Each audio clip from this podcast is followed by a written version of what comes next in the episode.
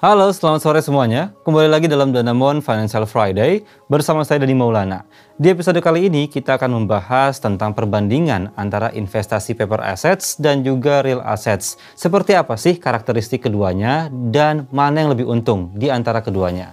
Nah, untuk membahas tema kali ini saya sudah bersama dengan Gita Argasasmita, founder dari Integrita Financial. Halo, apa kabar Mbak Gita? Alhamdulillah baik Mas Dani. Mbak Gita, saat kita membahas tentang produk-produk investasi ini kan sebenarnya terbagi dalam dua jenis ya. Hmm. Ada yang namanya paper assets atau hmm. aset tidak berwujud. Nah, bukti kepemilikannya ini dalam selembar kertas. Hmm. Sementara itu ada juga yang namanya real assets atau aset berwujud yang buktinya bisa dilihat secara fisik. Nah, yang ingin saya tanyakan kepada Mbak Gita nih, sebenarnya apa sih perbedaan keduanya dan karakteristiknya seperti apa? Nah, produk investasi tadi yang termasuk paper aset contohnya nih adalah deposito, obligasi, reksadana, dan juga saham. Kelebihan dari paper aset ini adalah mudah memulainya karena pendaftarannya bisa online dan kemudian gampang jual belinya sehingga bisa didiversifikasi dan juga untuk memulainya membutuhkan nominal yang kecil.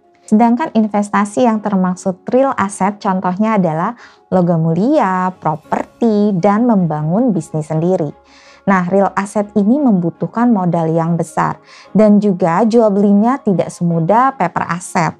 Berarti investasi paper asset ini lebih cocok untuk anak muda ya atau buat pemula yang baru memulai investasi? Ada betulnya kecuali saham ya, karena saham itu kan beresiko tinggi, bukan untuk pemula. Selain bisa dimulai dengan nominal yang terjangkau, beberapa produk investasi tersebut juga dapat dibeli di bank. Nah, salah satunya Bank Danamon. Selain ada deposito, di Bank Danamon juga bisa membeli reksadana, obligasi, atau sukuk. Kemudian kalau dalam perencanaan keuangan, baiknya pengaturan aset investasinya seperti apa? Misalnya, paper aset ini cocoknya untuk apa dan real aset ini cocoknya untuk apa? Nah, untuk tujuan yang jangka pendek 1 sampai dengan 3 tahun bisa pakai paper aset seperti deposito dan reksadana pasar uang. Kalau dana darurat cocoknya bisa taruh di deposito dan maksimal 30% dalam bentuk logam mulia. Lalu bagaimana dengan real aset lainnya? Nah, untuk real aset lainnya, bagi sebagian masyarakat Indonesia kan kalau ingin memiliki tempat tinggal sendiri ya, membutuhkan biaya yang besar dan relatif lebih lama dalam pencapaiannya. Biasanya untuk mencapai tujuan keuangan ini, uangnya diinvestasikan dulu di paper aset, lalu nanti hasil investasinya baru dibelikan real aset seperti rumah, atau minimal bisa untuk uang muka pembelian. Nah ini yang menarik mbak, di antara keduanya, mana yang lebih menguntungkan antara paper asset dan juga real asset? Kedua jenis ini memiliki potensi keuntungan, tapi harus ingat prinsip investasi ya. Untung yang tinggi artinya resikonya juga tinggi.